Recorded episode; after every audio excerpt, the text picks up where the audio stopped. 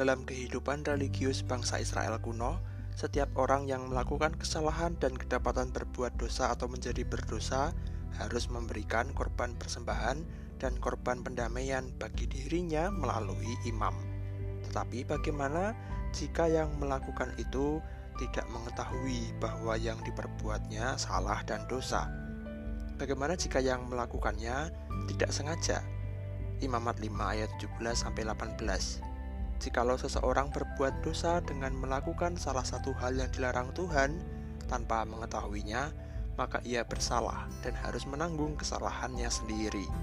Haruslah ia membawa kepada imam seekor domba jantan yang tidak bercela dari kambing domba yang sudah dinilai sebagai korban penebus salah.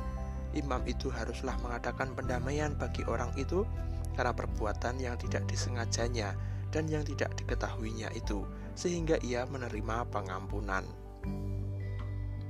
Ketentuan dalam ayat tersebut mengatur tentang seandainya yang berbuat dosa tidak mengetahui yang dilakukannya, atau dosa yang diperbuat seseorang terjadi karena tidak sengaja. Karena ia tidak tahu dan karena tidak disengaja, yang bersangkutan diberitahu dan diingatkan orang lain bahwa ia telah berbuat dosa.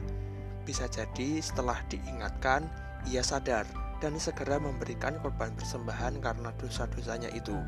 Tetapi terkadang ada keraguan dari diri seseorang apakah benar ia telah berdosa seperti yang orang lain tegur kepadanya atau tidak. Bila ada keraguan, meskipun belum benar-benar mengetahuinya, dalam hati nurani orang tersebut tentu akan mengingatkannya bila ia telah berbuat dosa.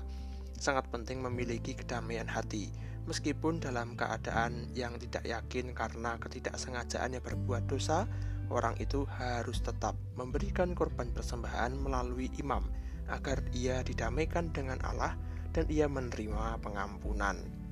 Dalam kehidupan orang Kristen, dosa yang tidak kita sengaja tentu pernah kita lakukan mungkin kita menyadarinya sendiri atau diingatkan orang lain. Ketika diingatkan, mungkin kita langsung paham, atau malah kurang yakin dengan teguran itu. Namun, sangat penting bagi kita untuk tetap menjaga hidup kita selalu berkenan kepada Tuhan. Oleh karena itu, dalam kesempatan yang kita sediakan secara khusus bagi Tuhan, kita dengan kerendahan hati memohon pengampunan kepada Tuhan atas dosa-dosa kita yang disengaja maupun yang tidak disengaja.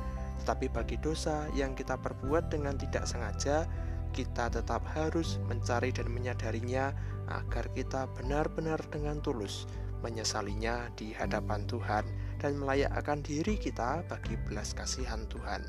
Milikilah kerendahan hati untuk menyesali dan memohon ampun kepada Tuhan bagi kesalahan dan dosa yang tidak kita sengaja.